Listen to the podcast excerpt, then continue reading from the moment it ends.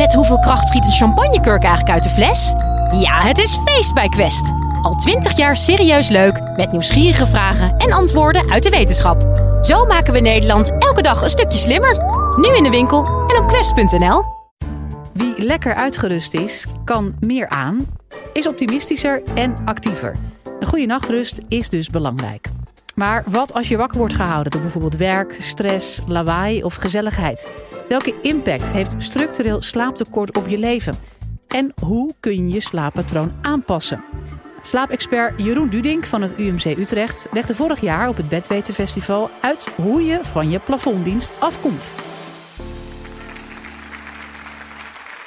Hoe kan slaap je leven veranderen en waarom is slaap zo ongelooflijk belangrijk voor je lichaam?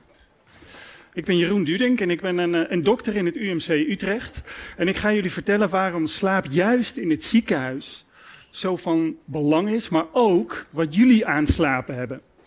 Nou, grote onderzoeken, grote enquêtes hebben aangetoond dat de meeste Nederlanders, meer dan de helft, moeite heeft de geadviseerde acht uur die je zou moeten slapen op een doordeweekse dag, om die te halen. Sterker nog, wat nu bekend is, is dat deze generatie een uur minder slaapt dan de opa's en oma's op dezelfde leeftijd. En twee uur minder slaapt dan die generatie daarvoor op dezelfde leeftijd. En dat is toch wel verontrustend. Maar ik ga jullie meenemen. Ik ga jullie meenemen naar het ziekenhuis. En ik ga jullie meenemen. En misschien laten we eerst even kijken wie is er wel eens opgenomen geweest in een ziekenhuis op een zaal. Dat zijn er best nog wel veel. 4 miljoen mensen worden in Nederland per jaar opgenomen in het ziekenhuis. Ik ben zelf ook wel eens opgenomen in een ziekenhuis. En misschien kunnen jullie nog wel de nachten herinneren. En ik neem jullie even mee naar zaal 4B, waar ik had gelegen. Uh, en rond een uur of tien wordt het licht gedempt. Gaat niet uit, maar het wordt gedempt.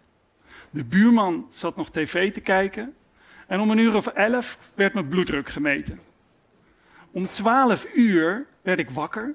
En ik dacht, wat ruik ik? En het bleek de tosties van de nachtdienst op de gang. Om een uur of één schrok ik wakker, want er ging een alarm af. Ik dacht dat het mijn alarm was, maar het was niet van mij, het was van de infuuspomp naast me. Mijn infuus moest vervangen worden. Om een uur of vier moest de overbuurman plassen en dat ging met veel lawaai gepaard. Om zeven uur kwam de broodkar en er werd aan mij gevraagd, wilt u bruin brood, meneer Dudink, of wilt u wit brood op uw boterham? Om een uur of acht kwam de eerste ijverige co-assistent, gevolgd niet veel later door de iets mindere ijverige co-assistent. En om negen uur kwam de chirurg binnen en die zei, heren, lekker geslapen allemaal, tot zo. En het is daarom denk ik ook niet verwonderlijk dat een groot onderzoek van een jaar geleden heeft laten zien dat je bijna twee uur minder slaapt dan thuis als je opgenomen bent in het ziekenhuis. En dat 80% van alle mensen die in het ziekenhuis zijn opgenomen zeggen dat ze thuiskomen met een slaafgebrek. En is dat nou alleen maar vervelend? Of heeft dat ook gevolgen? Nou, hoe ziet gezonde slapen nou eigenlijk uit? We weten al, je moet ongeveer gemiddeld acht uur slapen per nacht. En als je mensen bestudeert met een polysomnografie, een soort slaaponderzoek, waarbij je allemaal plakkers op krijgt, één op je buik en één op je hart en één, veel plakkers op je hoofd. En dan kan je je ademhaling bekijken, uh, je hartslag, maar met name ook je hersenactiviteit. Dan zie je dat je met verschillende slaapstadia je nacht doorkomt. En die slaapstadia, die cycli, herhaal je elke 90 tot 110 minuten. En zo ziet je hersenactiviteit er dan uit. Dan ga je relaxen. Dan op een gegeven moment ga je in echte slaapstadia. En dan kom je in je remslaap uiteindelijk. En het eerste wat opvalt is dat je brein ongelooflijk actief is als je slaapt. Helemaal niet aan het uitrusten. Eerste deel van je slaap, dat heet de niet-remslaap. De non-rapid eye movement slaap.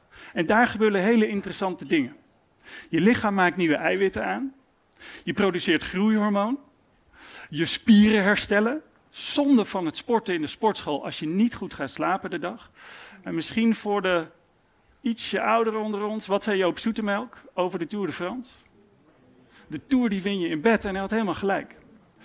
En dat is allemaal non-remslaap. Maar nog een ander belangrijk punt, denk ik, is dat alles wat in je korte termijn geheugen belangrijk was, in je hippocampus, gaat naar je langetermijn geheugen, je cortex. Zonder van je collegegeld als je niet s'nachts slaapt. Dan heb je ook je remslaap. Je remslaap is je droomslaap. Daarin droom je en verwerk je negatieve emoties. Met name negatieve emoties worden verwerkt. Maar je bent ook maximaal creatief. Je maakt nieuwe verbindingen. Het is een soort LinkedIn van je, van je hersenen. En dat terwijl de non-remslaap een beetje de we-transfer is van je hersenen. En wat is nou het leuke voor een kinderarts? Baby's die zitten met name in remslaap. Dat noemen we dan active sleep, want hun ogen bewegen niet zo. Maar baby's hebben met name remslaap. En ze slapen heel veel. Ze slapen tot 16 uur per dag als ze op tijd geboren zijn, tot 22 uur per dag als ze te vroeg geboren zijn. Het is hun belangrijkste hersenactiviteit. Sterker nog, ze ontwikkelen hun hersenen tijdens de slaap. Je kan het een beetje voorstellen als ze spelen hun eigen Mozart op het moment dat ze slapen. Nou, wat is nou zo interessant? Jullie hebben heel veel nieuwe ervaringen opgedaan, heel veel nieuwe dingen geleerd. Maar het echte werk begint pas s'nachts. Dan ga je alles onthouden en dan ga je de emoties van vandaag verwerken. En heb je nou een beetje ruzie gehad? Dan stel ik voor dat je je wekker niet te vroeg zet. En dat komt omdat je remslaap, waar je de emoties in verwerkt, die is met name in de vroege ochtenduren van belang. Dus heb je even ruzie vanavond, doe dan je wekker ietsje naar voren toe. Oké, maar wat hebben patiënten eraan? wat, wat, wat speelt de rol? Wat weten we eigenlijk over slapen en afweer? Er is een heel mooi experiment gedaan. En daar hebben ze een aantal vrijwilligers, let op, het waren vrijwilligers, ingedeeld in een aantal groepen. Ze hebben gezegd, jullie mogen minder dan vijf uur slapen en dan maken jullie wakker. Jullie, nou, slapen tussen de vijf en zes uur en dan gaat bij jullie een onderzoeker op de deur kloppen. Jullie mogen tussen de zes en de zeven uur en jullie zijn de bofkonten. Jullie mogen lekker de hele nacht slapen, zolang als je wil, het liefst acht uur. En de volgende ochtend kreeg iedereen dezelfde hoeveelheid virus in hun neus. Let op, dit was vrijwillig en het was ook niet zo'n gemeen virus. Het was een rhinovirus, ook wel de verkoudheidsvirus. En toen gingen ze kijken wie wordt er eigenlijk verkouden. Wie gaat niezen en wie krijgt er een beetje verhoging en wie krijgt rode wangen. En je zag dat degene die maar vijf uur mochten slapen of minder, dat die een hele grote kans hadden om verkouden te worden. Nou, is verkoudheid één ding. Wat is nou een verkoudheid op zijn tijd?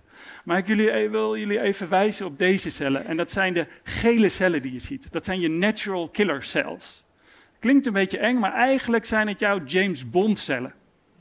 Het zijn de CIA-cellen van je lichaam. Als er op het moment dat er bijvoorbeeld in mijn prostaat een kankercel ontstaat, de rode die je hier ziet, dan komen mijn natural killer cellen eraan en die moeten die rode cel aanpakken, die moeten hem weggooien. Die moeten zorgen dat hij niet een plek krijgt in mijn lichaam. En wat is nou het vervelende? Als je een nacht vijf uur hebt geslapen in plaats van acht uur, dan is er een derde minder activiteit van die cellen. En dan wordt het serieus.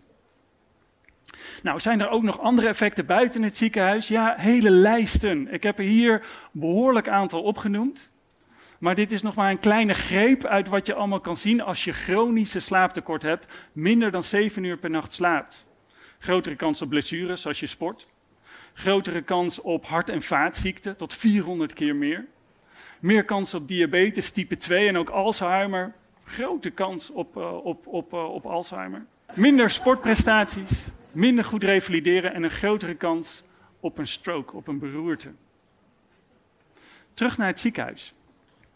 Want is het niet raar en is het niet gek dat wij als dokters en verpleegkundigen heel weinig aandacht krijgen, hebben voor, voor het slapen? Het is niet in onze opleiding, nauwelijks in onze opleiding. Terwijl we wel heel veel aandacht besteden aan hele dure geavanceerde apparatuur. Er zijn miljarden per jaar in de wereld dat wij besteden aan het ontwikkelen van nieuwe medicijnen. Maar een van de dingen die we weinig doen, tot nauwelijks doen, is aandacht voor het belangrijkste medicijn, of in ieder geval een heel belangrijk medicijn, en dat is slaap. En vandaar dat ik en een aantal collega's hebben gezegd: we moeten in actie komen, we moeten wat doen. We moeten proberen de waarden en normen een beetje te veranderen. We moeten proberen om slaap iets meer prioriteit te geven in het ziekenhuis. En we zijn gaan schrijven naar vakbladen. En we hebben ook uh, uh, publiekslezingen gegeven. Dit is een van die publiekslezingen. We hebben een online docu gemaakt en we hebben daarin gezegd: jongens, download ons actieplan, want met een tiental tips kan je patiënt al veel beter laten slapen in de nacht. En het lijkt wel effect te hebben. Een van de leuke dingen is dat we zien dat het steeds meer aandacht krijgt. Nou, ik hoop dat ik jullie een beetje heb kunnen overtuigen van het feit dat slaap ongelooflijk belangrijk is. Slaap kan je leven veranderen, meer dan een personal coach. Slaap kan je leven veranderen. En dan rest me eigenlijk nog maar één ding te zeggen nu. En dat is wel trusten voor ze. Wil je nou meer afleveringen van de Universiteit van Nederland horen? Check dan de hele playlist en ontdek het antwoord op vele andere vragen.